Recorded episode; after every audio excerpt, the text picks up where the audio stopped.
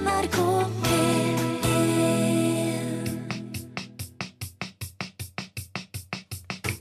Lyden av rytmeboks er lyden av utakt. Med godt humør på mandagskvelden ved Per Øystein Kvindesland og Bjørn Olav Skjæveland. Og la meg først spørre deg, Skjæveland, er det løsning på kransekakekrisen? Eh, Nei, det er ikke det. Eh, Og når du sier kransekakekrisen, så mener du da selvfølgelig den smellgreia som det er vits og hatt inni, eh, og vår faste kransekakesmell bongbong-leverandør, han kan ikke levere. Nei, han bestemte seg for å skifte leverandør, og vi venter fortsatt på leveranser fra den nye leverandøren. Ja, og, og, og dermed så, så er det ingen vits i å fortelle, men uh, en vits. Det er ingen vits i å fortelle en vits, det er fiffig, ser du. Men det vi gjør, er at vi kjører et gjenhør med en av de gode gamle klassikerne. Nå kommer vinteren, og vi har ingen sommerhatt. Men hva skal vi med sommerhatt når vinteren kommer?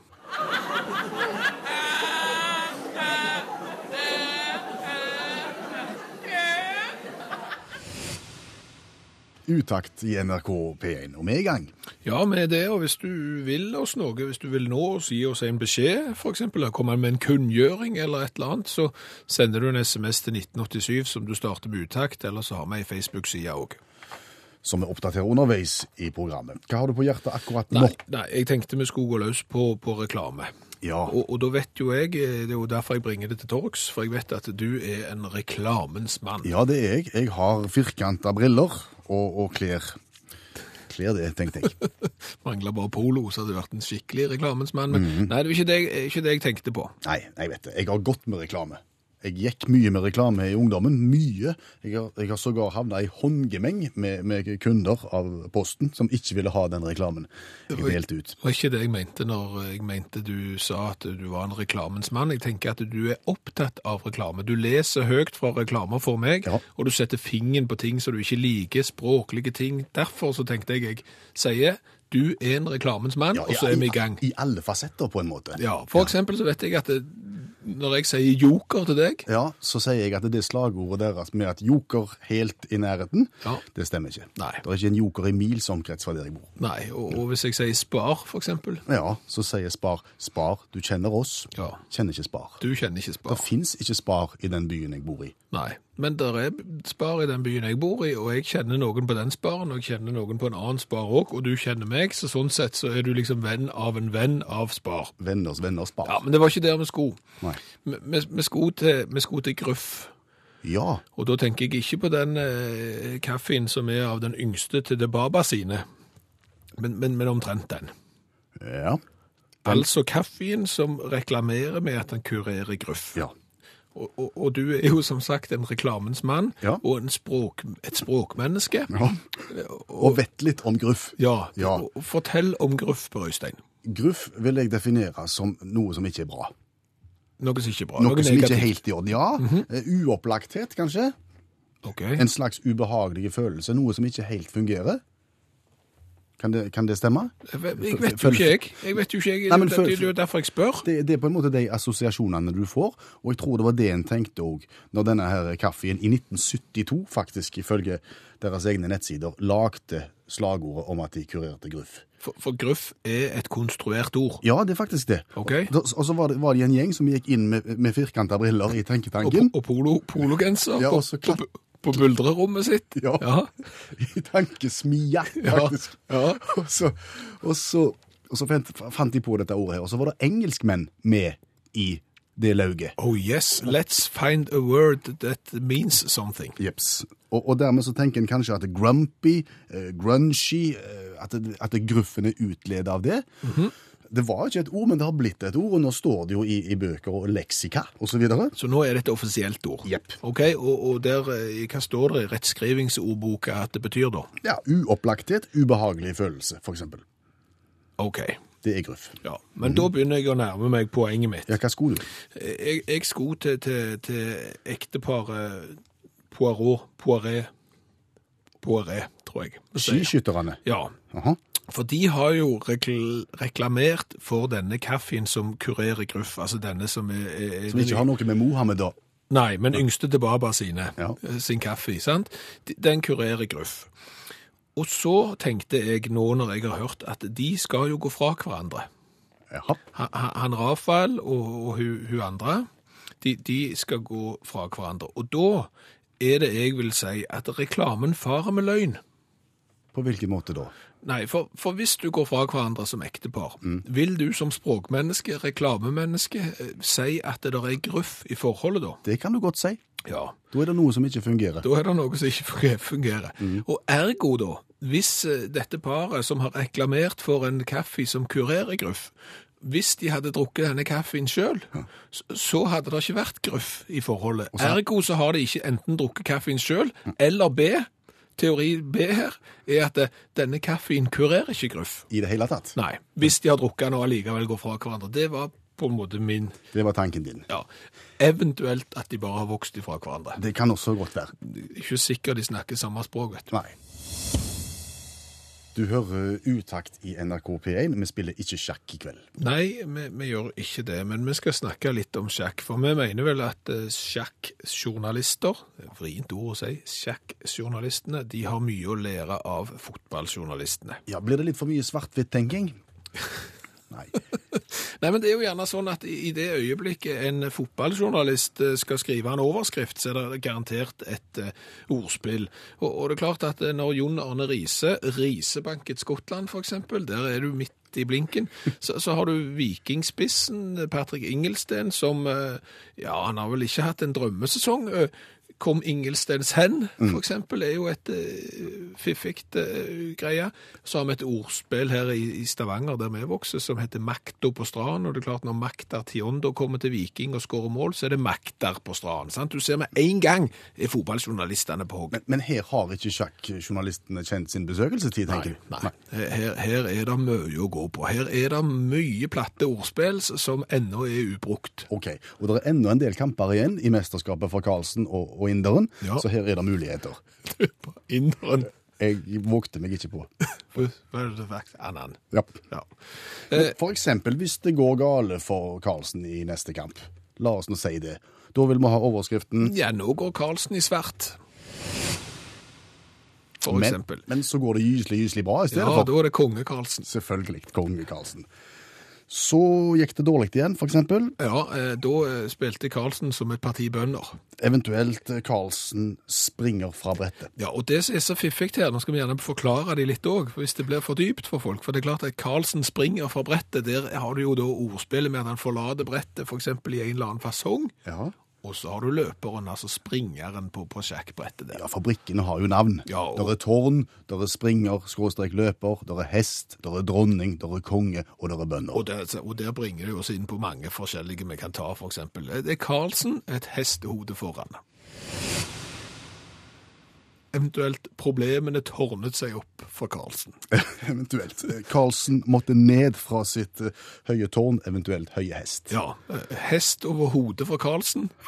Karlsen følte seg matt. Og, og så har vi jo et eh, forslag her. Vi syns vel egentlig at København bør søke VM neste gang. Jeg vet ikke om det er noe du søker på, men de bør iallfall få det, fordi at da har vi en overskrift som kunne passet veldig godt. Jeg Syns absolutt at neste sjakk-VM bør arrangeres i København, for dersom Karlsen da gjør det like godt som han gjør det nå, Ja, Så har du Karlsen, kongen av Danmark. NRK P1. Vi snakket om sjakk, og vi spilte fra chess. Ja, vi gjorde det, og vi snakket om overskrifter som eh, der kanskje sjakkjournalistene hadde litt å lære av eh, fotballjournalistene. Og det er klart Wenche har en fin en her. En annen dag, Annan. Den, den er god. Og så har vi fått korreks. Ja, for manglende eh, sjakkompetanse. Ja, springer er det samme som hest, ikke løper. Sier for eksempel uh, Helge. Ok, det, det skjønner ikke jeg, men det er greit. Eh, Du skal akseptere det. ja, jeg skal, skal gjøre det. Hilsen en som mener at han burde kalle seg for Magnus Matta Karlsens. Det, er fint. Den er fin. Den, den, det er bra. Og er det andre der ute som har forslag til gode overskrifter som kan brukes i forbindelse med sjakkmesterskapet, så send de gjerne til oss utakt. SMS til 1987, start med utakt, eller følg oss på Facebook.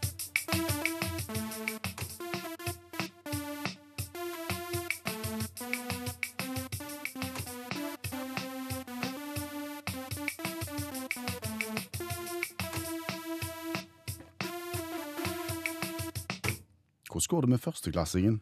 med Vebjørn? Jo, det går eh, relativt eh, greit. De, Relativt. ja, relativt. De turene på på skolen, og akkurat nå så var nok fokuset litt mer på skolearbeid enn på radio, så han var ikke så lysten i dag til å fortelle om hva de har eh, lært på skolen, men jeg fikk noe ut av han at de i hvert fall hadde vært innom petroleumsprodukt. Petroleumsprodukter har de vært innom. Og, og det handler jo om at vi, vi følger førsteklassingen Vebjørn. Vi har fulgt han helt siden skolestart i august for å se om det står ille til i den norske skolen, eller om det går bra. Og alt tyder vel så langt på at det går ganske bra. Ja, til og med med petroleumsproduktene. Hør på Vebjørn. Vi leter om hvorfor Norge ble verdens rikeste land. Ok, så dere har lært om olje og oljeindustri da, altså? Ikke så mye om industrien, mer om de prosessene som har gjort at vi kan pumpe opp fad etter fad med olje og kubikk etter kubikk med gass fra norsk kontinentalsokkel. Og ikke minst hvordan Norge som stat forvalter vår felles rikdom. Eh, ok, og, og stikkordene her er Kort fortalt er det organisk material, trykk og Petoro. Eller SDØE, som noen fremdeles liker å kalle det. Det hørtes ut som et voldsomt sprik. Enig i det. Og der kunne visst læreren vært bedre rent pedagogisk. Hadde vel inntrykk av at de fleste i klassen var rimelig godt oppdatert på de kjemiske prosessene som har gjort at bergartene utenfor norskekysten inneholder olje og gass. Mer interessant var det vel å høre om hvordan Norge som stat forvalter all denne rikdommen. Og hvordan forvalter vi rikdommen da? Petoro. En litt fiffig innretning for å styre hvem som får tilgang på rikdommen vår. Eh, Og på hvilken måte er det Petoro styrer dette? Petoro er et norsk statlig aksjeselskap med ansvar for å ivareta forretningsmessige forhold knyttet til statens direkte økonomiske engasjement. Ja, Nå datt jeg litt av. Og, og hvis du skulle forklare dette enklere Petoro forvalter statens direkte eide andeler i norsk olje- og gassvirksomhet. Det folk flest kaller SDØE. Disse eierandelene omfatter en tredel av Norges olje- og gassreserver. Vil si ca. 35 felt i produksjon og nær 180 såkalte lisenser på sokkelen. Petoro sin formelle rolle er å være rettighetshaver på vegne av staten. Ok, så, så enda enklere da, Vebjørn, ville vært at Petoro passer på godteposen for meg og deg. Hvis du skal overforenkle, da kan du vel si det sånn. Det hadde vært ei grei uke ellers. Ja, Helt greit? ja, travelt er det ikke akkurat.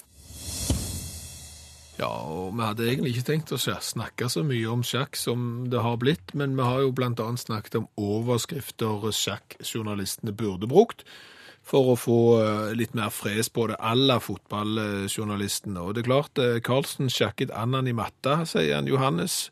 Man kan bli matt uten å spille sjakk, sier Torbjørn, men eh, Shakara Annan holdt seg på matt. Har du en, og så har du den der eh, med Carlsen kom ikke akkurat på rød løper. Ja, ja. Det er gode forslag. Det er gode forslag, men, Men- men- det, ja. en annen dans har du òg. Ja, den er god. Carlsen holder nerven i sjakk, kan det fort bli en annen dans. Den er bra. Men vår favoritt var vel egentlig litt på sida av dette. Ja, for, for det, Pål har sendt inn eh, noe som, som de har snakket om i kameratflokken, tydeligvis. En kompis av han mente for noen år siden at de burde starte som sjakk-hooligans.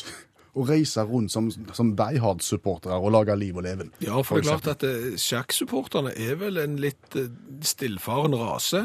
Kan være. Og, og det er klart, der kunne vi virkelig ta saus til. Ja, jeg tror kanskje det, altså. Tårn til A4. Vi vil se tårn til A4. Tårn til A4. Annan matt, annan matt, annan matt, annan matt. Vi vil se på en rokering. En rokering vil vi se. Nei, du ser det er potensialet til, til Jack, sjakk-hooligans. Det er, ikke, s- det, det er mulig det hadde blitt litt mye bråk, tenker jeg. Jo, men tenk deg det. Altså, det handler jo om å øh, virkelig altså, kåre den rette vinner her. For her har du da stressmestring på en annen måte òg. Ikke bare den der med å sitte og se motstanderen din i, i Kvitau, altså trykka på den der klokka og sånn, danne vann, og så flytta en annen sånn en eh, tårn. Her, her skal du liksom ha kontroll på. Å høre på en, en, en litt korpulente Jo, men tenk liksom sånn, fotballspillere får gjerne høre en del skjellsord, og det, disse tingene må de da takle. De som ikke takler de, de spenner jo i bakken for rødt kort og blir sendt av. Her her hadde du fått en helt annen type sjakk. Det er jeg helt sikker etter er det vi har grunn til å tro. Ja. Og nå skal vi begynne å snakke om eh, diplomatiske gaver, altså offisielle gaver fra en stat eller et statsoverhode til et annet. For Det er vanlig at, eh, at en gir hverandre sånne presanger når en møtes.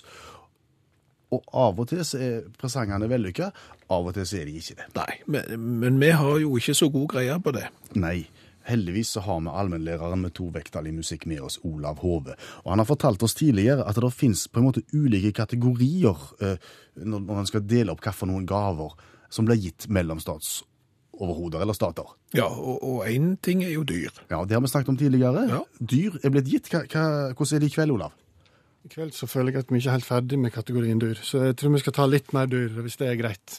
Um, vi går til herrens år 1993, og um, det var jo mye uro i Europa da. Mye styr i, i, i Øst-Europa og alt dette her, men det var jo noen trygge havner. Og vi, skal til, vi går direkte inn i et møte mellom John Mayer, som var engelsk statsminister, som hadde et møte med den eh, turkmenistanske presidenten. Husker dere hva han heter? Ikke helt. Jeg trodde John Mayer var en gitarist og sanger, jeg, men Nei, men John Meyer og Zappar Murat Niyazov, som de sikkert husker, han, de hadde et koselig møte. Gikk fint. John Meyer sa at dette her skal vi ordne, vet du. Det ordner seg nok. Det blir ro i Øst-Europa på sikt. Eh, så når, alt gikk fint, og så når møtet tok slutt, så tok da eh, den godeste Zappar Murat fram et bilde av en hest og sa 'denne her skal du få av meg, John'. Åh. Oh, sa John Meyer. 'Tusen takk, glimrende, jeg skal henge den opp på kontoret mitt med en gang'. 'Nei', sa Zappar Murat, 'ikke bildet, vet du. Hesten skal du få'. Å ja, og her han Meyer. bor i Downing Street eh, nummer ti, og der er det asfalt, asfalt og asfalt ut forbi. Ja, Ja. og det tenkte han. Men så kommer haken, da, og han Sapar Murat sa at dette her er ordentlig flott, svær svære hest på flere tonn, og det er bare å komme og hente han. Åh, tenkte John Meyer. Nå er det to ting som spiller inn. En høflig gentleman, det her. Det er uhøflig å si nei, og dette kommer til å bli et helsikens styr å få tak i denne hesten. Men det lytter vi jo. Så John Mayer var smart, og så ga han bare oppgaver til, til ambassaden i Moskva. og sa at her fikser de. Jeg må ha en hest fra Turkmenistan. Han er tung. Jeg aner ikke hva han heter engang, men gidder de å fikse det? Og så for sikkerhets skyld hadde litt humor, gjerne daglige rapporter om eh, hendelsen. om eh, hvordan det går. Og så gikk da den ambassaden i Moskva inn i en seks måneders lang forhandlingshelvete, vil mange si, med turkmenistanske myndigheter. Noe som virka unødvendig, i og med at det var de som hadde gitt hesten. Men eh, seks måneder tok forhandlingene for å få orden på det her. Og når de var ferdig med det, så måtte de ta en ny runde med den russiske hesteforeningen. Og når de var ferdig med det, så blanda den franske hesteattachéen seg inn, for Mitterrand hadde selvfølgelig fått en hest. Fra så, så det var et himla styr. Så når alt det der var plass, så kom EU, EU inn og sa at vi har en sånn karantenekomité her som gjerne vil se litt på saken. Ja, ja, så. så gikk den til slutt av ni måneder. Så ble det bestemt at hesten skulle ta tog til Moskva.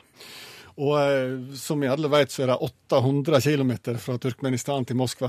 Og hester av det her kaliberet som er der, er ikke vant med å ta tog. På toppen av det så hadde hesten til John fått tannverk før avreise og var rasende sur og gretten. Og sparka og beit og lagde generell faenskap hele turen. Og det stakkars ambassadepersonellet måtte passe på det helsikes dyret. Um, på toppen av det så var det stor politisk uro i, Mos altså i Russland på den tiden. Så to ganger ble toget med den sure hesten med tannverk beskutt. Eh, og når de kom til Moskva, så sto han midt i begivenhetene sentrum for når de skulle innta TV-tårnet i Moskva. Et forferdelig rabalder. Og masse vas. Og det enda opp med da, dette her, og dette visste ikke ambassaden i Moskva, men rådgiveren rådgiverne til John Mayer hadde høytlesing av de daglige rapportene, der de lo seg knotete hver eneste dag. da.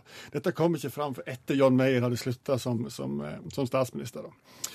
Eh, Heldigvis, da, så eh, når alt var så problemfritt, så ble selvfølgelig hesten satt i karantene i Moskva.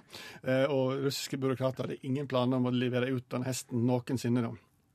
Men John Meyer følte at da hadde han liksom da hadde han laget noe diplomatisk krøll, så han sa til ambassaden vi må bare få tak i den hesten. der. Så de, de fikk tak i en viss type meloner som vokser i Turkmenistan, som visstnok visst karantenemyndighetene i Moskva liker godt. Selvfølgelig 800 km å frakte melonene òg, men det fikk vi til. Fikk levert ut denne her kassen. Og Det er så, iallfall ikke tannverk, de. nei, det hadde de ikke.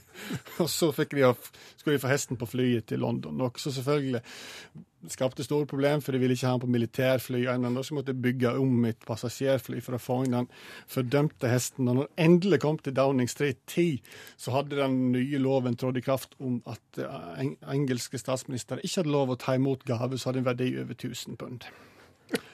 Koselig historie for John Mayer, det der. NRK P1. Tenk deg følgende, Skjæveland. Ja. Du ligger i senga di og sover godt. Ja. Du er langt, langt inni et eller annet kjempefint i drømmen. Ting er akkurat sånn som du skulle ønske det var.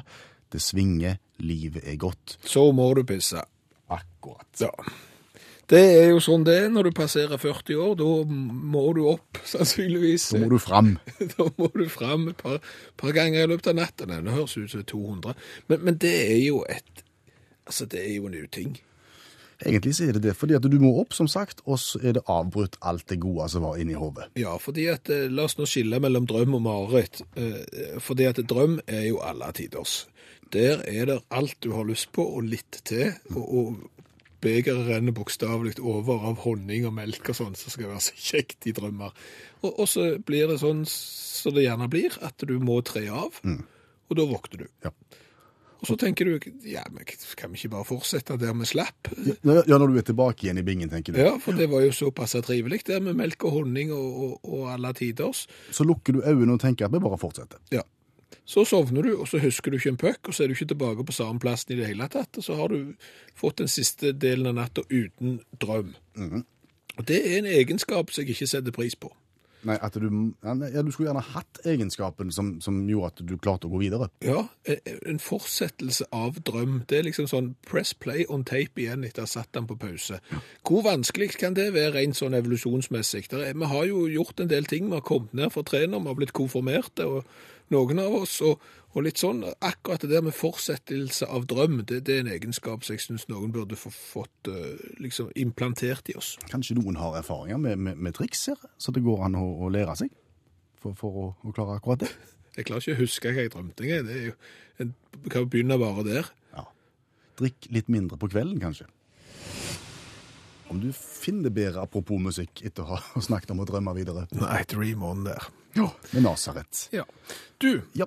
eh, nå skal vi promotere konkurransen i utakt. Hvordan har du tenkt å gjøre det? Det har jeg tenkt å, å begynne med eksempel, liker du å konkurrere? Har du lyst på en T-skjorte med V-hals? Ja, hvis du svarer ja på disse spørsmålene, er kanskje konkurransen i utakt noe for deg. Ikke spesielt enkel, ikke spesielt vanskelig, men akkurat midt på treet. Ja, du får premie uansett, så lenge du sender en SMS som du starter med utakt til 19. Nei, Nå ble det rot. Gikk det ikke Det ble, det ble det tull. Du sender en SMS der du skriver navnet ditt og hvor du bor, så sender du den til 1987 og starter hele greia med utakt. Så er du med på en quiz der vi tar spørsmålene fra ei spørsmålsbok etter litt innfallsmetoden. Ja, ikke spesielt vanskelig, som sagt. Og så er det heldigvis sånn at uansett hvordan det går, så får du T-skjorta med V-hals. Og ikke nok med det. Hva stil? Vi legger, nei, vi har ikke noe å legge med. Skulle hatt noe lagt med nå, så hadde det vært mye tøffere. Les ønsker om å få være med i konkurransen fra Anders Skjæveland. Ja, var det sånn at jeg skulle melde meg på tevlingadykker, dykker? spørsmålstegn? Hvis det var feil, så ber jeg om årsaking, eh, men freister gjerne å prøve meg i den tevlinga de har før å dykke. Og med en såpass ydmyke holdning til hele konseptet Anders på Tysner, så er du kveldens deltaker. God kveld. Jau, likeens. God kveld, du. Er du klar? Ja, da jeg, jeg har venta lenge nå, men eh, jeg føler jo at eh, tida er inne. Ja. Og, og det handler om quiz, dette her. Er det områder i quizverdenen du liker deg bedre i enn andre? Ja, pausene, de pleier jeg å være god på. Anders er god på pausene. Da noterer vi oss det. Ja, men det er bra. Eh, Da foregår det sånn eh, at vi bare turer i gang, og det eneste du eh, trenger å gjøre etter du har svart, er å vente på om du får den lyden, som betyr at du har svart rett, eller den lyden, som er en mer dyster form for jodling, som betyr at du har svart feil. Men uansett så vanker det da utakts eksklusive T-skjorter med V-hals til Anders. Ja. Og, og Anders, eh, hvis du hadde hatt bryet med å velge et eh, oddetall mellom 9 og 361, Ja. Ja, da, det var så sent på kvelden, så jeg kom ikke lenger enn til 11. Så jeg håper det går bra. Det går bra. Da er vi 11. Og vi har da fått kategorien godbok for de minste. Eh, Og der har vi spørsmål 1 til 15, hvis du velger et av de. Ja, da får vi sikta litt høyere, da, så da går vi på 12. Da prøver vi på spørsmål 12 i kategorien godbok for de minste. Ja. Hva heter lillesøsteren til Ole Alexander Fillebom-bom-bom? Ja. Eh, eh, hva, hva alternativ var du hadde der, sa du? Nei, der var det dårlig med alternativ, men det er ikke Tommy og Annika, det er heller ikke Karius og Baktus. Men det er noe som er ganske lite. Det er faktisk bitte, bitte lite. Ja, lite, et lite navn, eller et lite Jeg tror vi sier Ifølge fasiten i boka mi så skal lillesøster til Ole Alexander Fillebom-bom-bom hete Bitte liten. Bitte liten. Ja, det ser du. Ja. Men OK. Ja, eh, hvis du vil ha mer voksne spørsmål, så anbefaler jeg et tall litt senere i boka. Fra 9 til 361. Ja, da er du på 361, da. 361. Da går vi helt til slutt, ja. Hva, hva finner vi der for en kategori? Der finner vi rundtur to. Rundtur to skal Anders få prøve seg på. Ja. Og spørsmål nummer Ja, det var nummer, ja. Da, eh, da tror jeg vi tar nummer tre. Nummer tre, ja. Eh, hva heter den største av kanaløyene mellom England og Frankrike? Altså den største kanaløyene mellom England og Frankrike. Ja, den absolutt største du er ute til. Ja, den, den, den som grenser til den største, ja. Nei, den som er absolutt størst, ja. Ja, ja nei, da skal vi se. Da, det var jo ikke akkurat eh, geografi som var min sterke side heller. Nei. Nei, men de har en berømte genser derfra. Ja vel. Marius. Nei, Så genser eh, og øy, da Ja. Hvor lang eh, tid har jeg igjen før jeg må avgi svaret? Nei, bare med ferie til midnatt, så skal vi så Ja. Ei øy, vi har vi skal vi uh, Ull, kanskje? Ullgenser, kanskje? Ja, ja. en jersey er jo en genser, og jersey heter øyne. Du, Og, der skulle du tipsa meg om storfe istedenfor det, vet du. men det er mange som kaller den for Gjersøyne òg, men eh, jersey er da den største kanaløya. For ikke, må bare ikke glemme Guernsey oppi det hele, som ligger rett ved siden av. Nei. Da har vi vært fra slutt til start i boka, og skulle vi prøvd oss på midten. Det ser ikke ut som det var suksess i de endene, så vi får legge oss litt på midten da. Så da på rundt 123. Rundt 123, ja. Næringsvett. Næringsvett, det har du nok av, Anders. Ja, da er er jeg, skal jeg si. Flott. Hvor vil du hen da? Ja, hun har ikke hatt så stor suksess. Skal vi prøve nummer sju? Vi kan prøve nummer sju, ja. eh, hvor stammer matretten raclette fra? Det var ikke, det var ikke dagen i dag. Nei, altså raclette det er da smelta ost som du gjerne heller over litt spekeskinke, litt sulteagurk og en og annen eh, potet. Eh, Utrolig god mat. Det er racletten. Det er en sånn hvit ost. Så for å si det sånn, hvis du har frakta den fra, fra midten av Europa i en koffert, så, så lukter alt du eier og har oppi den kofferten racletteost. Ja. Aner med et lite hint der med midten av Europa. Ja, det aner vi et lite hint. For å si det sånn, Skjæveland har vært au pair i Frankrike, Anders. Ja. Ja Og, og denne osten kommer ikke derfra, men den kommer veldig nært ifra. Han kommer nærere ifra, som er altså nærere oss. Den som er nærere fra. Han kommer for eksempel fra et eh, Han kommer for eksempel Nå skal du klare dette her, vi skal klare dette sammen, eh, Ja, nå håper jeg. Anders. Han kommer f.eks. fra et land som har noe som ligner litt på Røde Kors-flagg, men det er ikke Røde Kors-flagg. Ja. Ja. Og, og, og dette landet begynner på S og slutter på Veits. Da har man ja, Nå, eh, nå begynner det vel å tørne seg til her, da, det må jeg si. Eh, Jeg lurer meg på da kan, Jeg tenkte Østerrike, da, men jeg lurer meg på om vi skal om vi skulle gått for, tatt en råsjanse her og gått for Sveits. Altså. Ja, det er stang inn på Sveits, og for å være helt uh, pinlig nøyaktige, så skal vi til kantonen Valois. Ja. I Sveits der har de denne osten så de liksom hiver på som ei drevje over spekeskinka si. Ja, måter å gjøre det på. Ja. Det var godt det løste seg til slutt, Anders. Ja, nei, han satt langt inne den der. Ja. Veldig kjekt å ha deg med og ha en god kveld videre på Tysnes. Så Ja, sender, det skal jeg gjøre. så sender vi ei T-skjorte, så får du oppføre deg fint på årets Tysnesfest. NRK P1 Vi har eh, observert følgende. Ja, vi har observert følgende at sjokoladefabrikantene er så lite oppfinnsomme at de kombinerer alltid to gode sjokolader for å lage en bedre.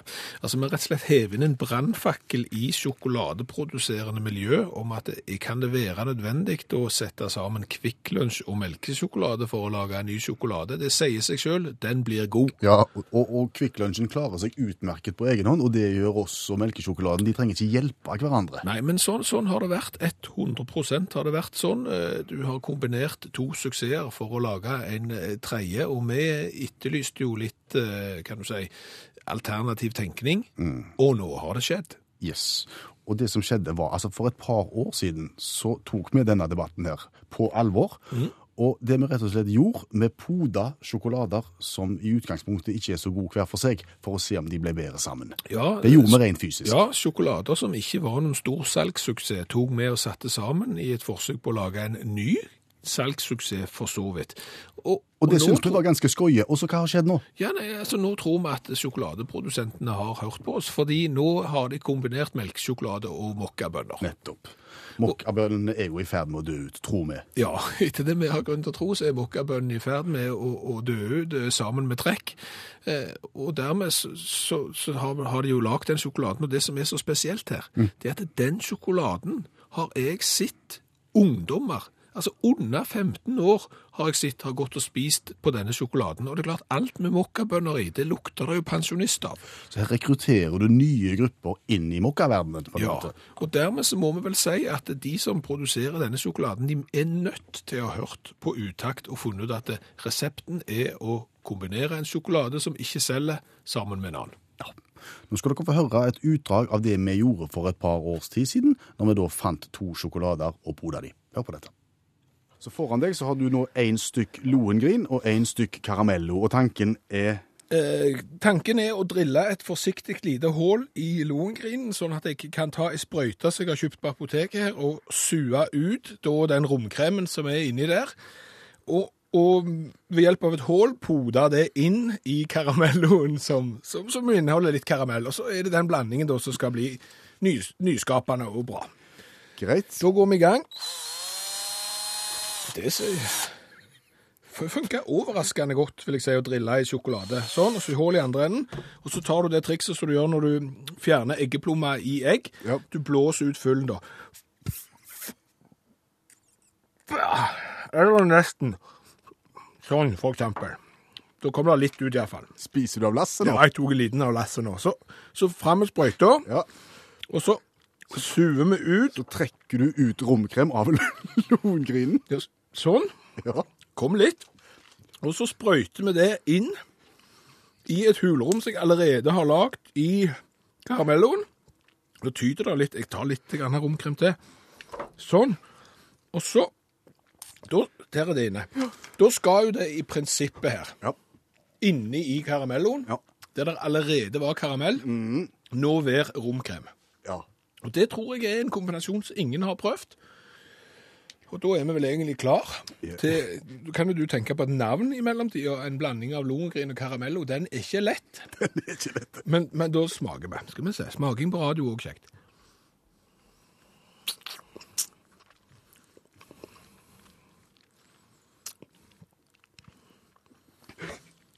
Vet du hva? Det, det var godt.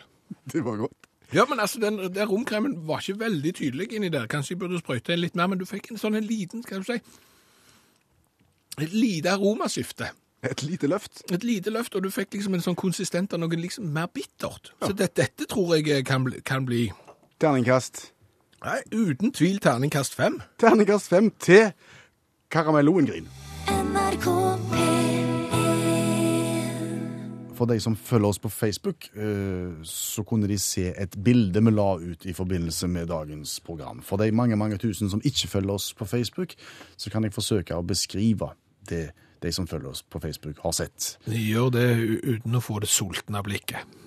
Eh, Det bildet viser Skjæveland iført en rosa, tettsittende trikot, med meg stående bak og hjelpe med glidelåsen.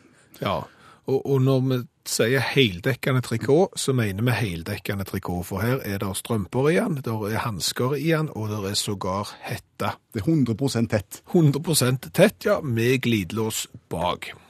Og vi stilte da følgende spørsmål, eh, som kunne være en slags lekse på forhånd eh, før programstart. Eh, gjør rede for utfordringer knyttet til bruk av denne type trikot. Ja, og, og, det er klart at det, det er jo kommet en del sånne innspill i forbindelse med han. Er han litt feminine? Ja, han er der. Kan du få nakkehår i glidelåsen? Ja, eh, det er klart du, du kan det. Eh, Og det er klart bønner til frokost og fårikål til middag, eh, absolutt ikke når du har en sånn en eh, dress. Det er jo en ting. eh, Å komme seg inn på eventuelt en pub med, en sånn bekledning Det, kan være vrient. det er en utfordring. Ja, men det er ikke der.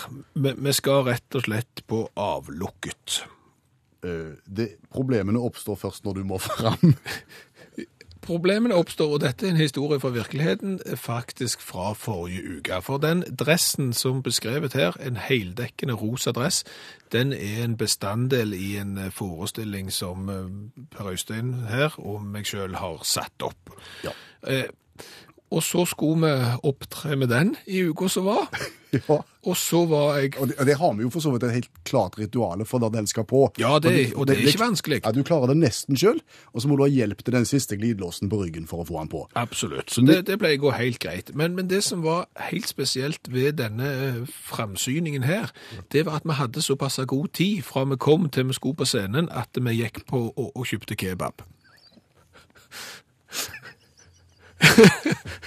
ja, og ja, du trenger ikke, og ikke vet jeg hva som var i den kebaben, men noe var det iallfall i den kebaben. Og for å si det sånn, det, altså, midtregionen min ble vel noe ustadige, det må vel være lov å si. Og, det ble, og det ble kortere og kortere tid til vi skulle på scenen, og, og det ble mer og mer leven i, i midten. Ja, for, jeg observerte Skjæveland gående raskt fram og tilbake i en korridor, Ja. iført denne tettsittende rosa trikoten som er stengt i alle åpninger. Ja, men på et gitt tidspunkt så, så gikk ikke det lenger å, å, gå, å gå det av. Så, så da må du bare inn på der du må inn. Ja. Og da begynte problemene. Ja, fordi at du har glidelås på ryggen. og, og, og presset øker bokstavelig talt, både det mentale og, og det fysiske presset, og du har hansker på, og der er sokker, og der er hette, og, og det er fire minutter du skal på scenen. ja. Og det er klart da, med, med, med heltemodig innsats, der du trekker hele trikoten så langt bak så det overhodet går, sånn at du akkurat klarer å få fingeren bort til glidelåsen, dra den de ti centimeterne, som gjør at du igjen kan ta hånda opp nedenfra og rekke den. Det var det som skulle til for å redde ja, både dressen og, og forestillingen, for å si det sånn. Så, så der er det ut, så, så en oppfordring til alle som går med tanker om å kjøpe seg heldekkende rosa trikot med glidelås bak, vær forsiktige med kebaben. NRK Det vi vel kan slå fast etter denne høsten her, Skjæveland, det er at høner ikke kan tippe. Nei. Selv om de er tippehøner. Absolutt. eh, Og det er klart, eh, nå burde vi gjerne gjort dette forrige mandag når eh, sesongen, fotballsesongen var over, men da var du på fotballkamp i England, så Sigvart Dagslangen satt her i studio og var vikar, så da fikk vi ikke helt toget tippehønetråden. Nei. Kanskje den observante lytter husker det som vi gjorde før seriestart i, i vår. Da gjorde vi litt sånn som tyskerne gjorde i forbindelse med et verdensmesterskap. Vi lot et dyr gjette på hvordan det kom til å gå i løpet av sesongen. For dyret i Tyskland, det var vel en Det var blekkspruten Pål, Ja. og det er klart Pål hadde jo en, han hadde jo en walkover-oppgave i forhold til det vi hadde med vårt dyr. Han skulle jo bare tippe om eh, Tyskland vant, ja eller nei, så han hadde jo 50% sjanse for å få rett. Viste seg jo at han hadde rett hver gang, så sånn sett så var han god, og så døde han etterpå der. Eh, Men vi skal jo da tippe eh, blant 16 fotballag hvem som blir de seks øverste i den eliteserien som nå akkurat er avslutta. Det er verre. Ja, det er det. Men vi fikk lånt Petrine, som er ei eh, frisk, oppegående høne. Og det vi gjorde da i vår, for, for å bare minne om det, vi, vi satte ut 16 skåler med godsaker oppi, hønegodsaker. Og så skrev vi navn på skålene, et fotballagsnavn på hver skål. Og så lot vi høna gå rundt, og så ville vi da ut fra hvilken skål hun valgte først, og så nummer to, og så nummer tre, videre, lage tabellen for hvordan det gikk. Ja, og, og bare la meg si, tabellen ble, ble altså som følger. Eh, Strømsgodset vant jo Ja. foran Rosenborg, med Haugesund på bronseplass, Ålesund nummer fire, Viking nummer fem. Ja, Det var i virkeligheten. Det var i virkeligheten. Nå skal vi høre hva Petrine tippa tidligere i vår. Så, så, så da er vi klar. eh, Hvis bonde Kalle Nilsen kan ta og snurre høna, så der går han rundt seg sjøl, og høna òg går litt rundt for akkurat nå. Og sånn, og så slipper vi Petrina ned. Ja. Og der står hun bom stilt. Ja. Der er det ingen tegn til bevegelse, gitt. Det er Det, det er radioskrekk. Had, hadde du forventa dette? Hvis du tenker at det, nå er det litt bevegelse. Hun må bare få tenke seg om. Må jo få gi henne litt tid. Se der. Se der. Ja. Blir det Ålesund? Nei. Jeg var veldig nær Ålesund, men begynner nå faktisk å pirke i linoleumen 10 cm vekke fra Ålesund. Så Petrina har nok null tillit til Ålesund. Eh, og der skjed du, ja. Eh, Petrina skjed midt mellom Ålesund og Start, og, og beveger seg nå mot Start, og, og spiser Start. Start er nummer fem. Spa start er nummer fem i Tippeligaen. Det har Petrina bestemt. Mulig det hjalp å slippe en liten en, sånn at eh, hun er nå klar. Beveger seg nå mot, mot Ja, beveger seg nå faktisk ut mot utgangen her, men penser inn på Sandnes Ulf. Og går vekk fra Sandnes Ulf, ja. Og går mot kantina. Dette er dette er tippefaglig veldig svakt, eh, Petrina. Bonden går nå og lager et kringvern, for å si det sånn, og jager Petrina litt tilbake igjen mot kantina igjen, ja. Er dette i ferd med å gå den veien høna sparker, på en måte? ja nei, men nå, nå er det bitte litt mer fart, for nå er hun inne i et ganske tett segment av fotballag her. Vi er 15 cm, med 10 cm fra LSK, fra Lillestrøm, som kan bli nummer fire. Der skyter vi igjen, ja. Og jeg holder på å trø oppi den første som ble lagt. Hun er ikke studioreine, Nei. Petrine. Oi, oi, oi! Ja, det var kontakt der jeg tror rett og slett at vi må kunne si at godset er nummer fire. Strømsgodset er nummer fire. Strømsgodset er nummer fire, og Petrina er nærmer seg Sogndal, har retning for Vålerenga, ser bitte litt lite engasjert ut akkurat nå, og går mot studio, faktisk. Der ble det spist litt av Vålerenga, nå er vi på lag nummer tre. Vålerenga er på tredjeplass. Vålerenga er på tredjeplass. Vi har bare to igjen. Vi nærmer oss FKH og faktisk Hønefoss. Det er full fart mot Hønefoss nå, jeg tuller ikke. Det er god gang mot Hønefoss. Og der, ja! Der har vi Hønefoss på, på andreplass. Og det er full spurt bort til den mest avsidesliggende tallerkenen, og der er Tromsø. Tromsø! Tromsø! Og der ble det spist ett korn av Tromsø. Oi, oi, oi. Og nå skjer du på gulvet og spiser av dørmatta. Det var tippehøne Petrine der fra, fra tidlig i vår. Og hun tippa altså Tromsø på førsteplass, Hønefoss på andreplass. Ja, Tromsø ble nest sist, og Hønefoss ble eh, sist. Begge rykte ned med funn og klem og gråt og tenners knissel og alt. Så det kan hende at du skal egentlig ta tipsa til, til høna med en smule kraftfôr, og så snu den. La oss gjøre det neste år, kanskje.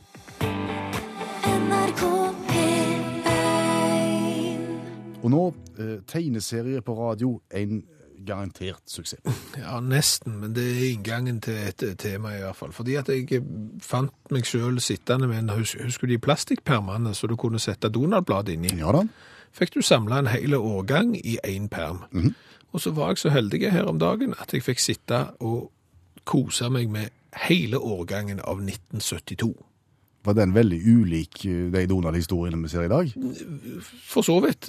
Reklamene var annerledes. Jeg husker jo de bilene vi ønsket oss og alle de tingene der. Men det som jeg syntes var litt oppsiktsvekkende, det var at det var Moby Duck, altså denne anden som drev med hvalfangst, var med i annethvert nummer. Aha.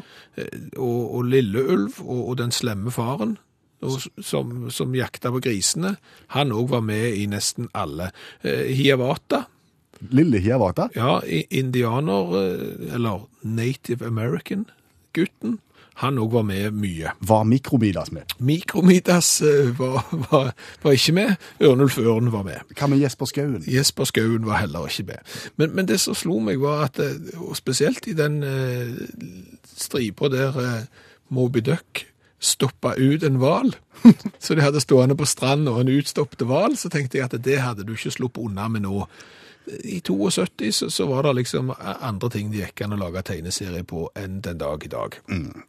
Og derfra Går veien til går veien videre til nrk.no sin eh, spørreundersøkelse. Sjekk om du har støtende ordbruk.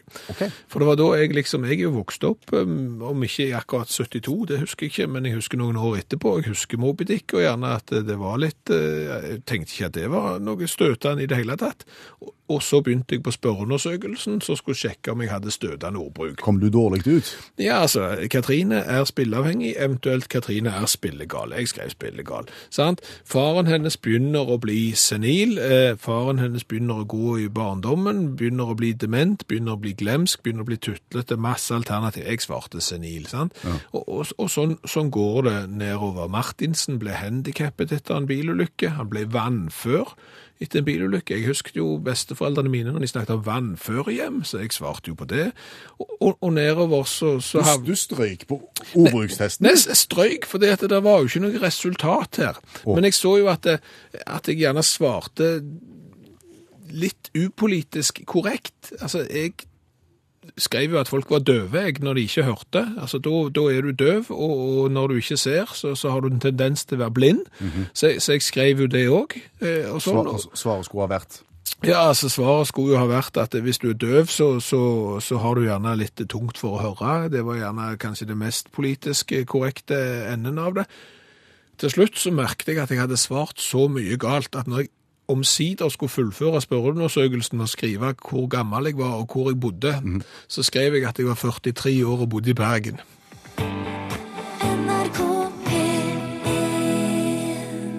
Det begynner så smått å gå mot slutten av programmet, og vi er i utakt oppta, opptatt av å både eh, underholde og lærervekting. Altså den kombinasjonen av latter og leing, den er vi glad i. Ja, eh, vi er ikke kommet her bare for å ha det kjekt. Nei. Eh, Og da tenker vi, la oss nå lære litt òg. Ja, og la oss gi ei hjemmelekse på tampen av programmet som folket kan grunne på i løpet av uka som ligger foran, og så tar vi opp tråden igjen med prøve neste mandag. Ja, for vi trenger hjelp, og det vi trenger hjelp til her i Utakt, det er å finne den gata i Norge med det høyeste nummeret. Ja, altså husnummeret mm, med høyest siffer. Ja, for det har slått oss eh, noen ganger når vi har sendt ut eh, premie i konkurransen vår, så har de jo noen ganger bare sendt et postnummer, og så kommer det fram. Men så treffer du ei gate, eksempel Snertingdalveien. Ja, og, og vedkommende som en gang vant en konkurranse i utakt og bor i Snertingdalveien, bor sågar i Snertingdalveien nummer 1046. Ja. Og det er klart, hvis du da skal begynne å gå med post, så er det ikke bare å begynne på nummer én. Og, og, tar ta det suksessivt eh, derfra. Det er nok sikkert ei lang gate. Og så er jo spørsmålet, hvem har adresse i Norge med det høyeste nummeret på? Det tenkte vi vi skulle prøve å finne ut i løpet av uker som ligger foran. Ja, så hvis eh, folk finner fram eh, telefonkataloger som du alltid bruker, ditt distrikt, som jo er det siste nye flotte altså, som er kommet i, i papirinformasjon om, om gatenummer og den slags, så hjelp oss å finne den adressen som har gatenummer med høyest tall. Mm. SMS til 1987, start med utakt, eventuelt bruk Facebook-sida vår. Vi skal, vi skal oppdatere litt der underveis. Ja. Jeg tenker det må være litt nedslående for postmannen å komme ruslende inn i den gata der. Og så skal vi se, det var 1046 i dag igjen, ja. ja, det var borte der. De skulle aldri vært med i bokklubben. De, De skulle aldri vært med i bokklubben. Hør flere podkaster på nrk.no podkast. NRK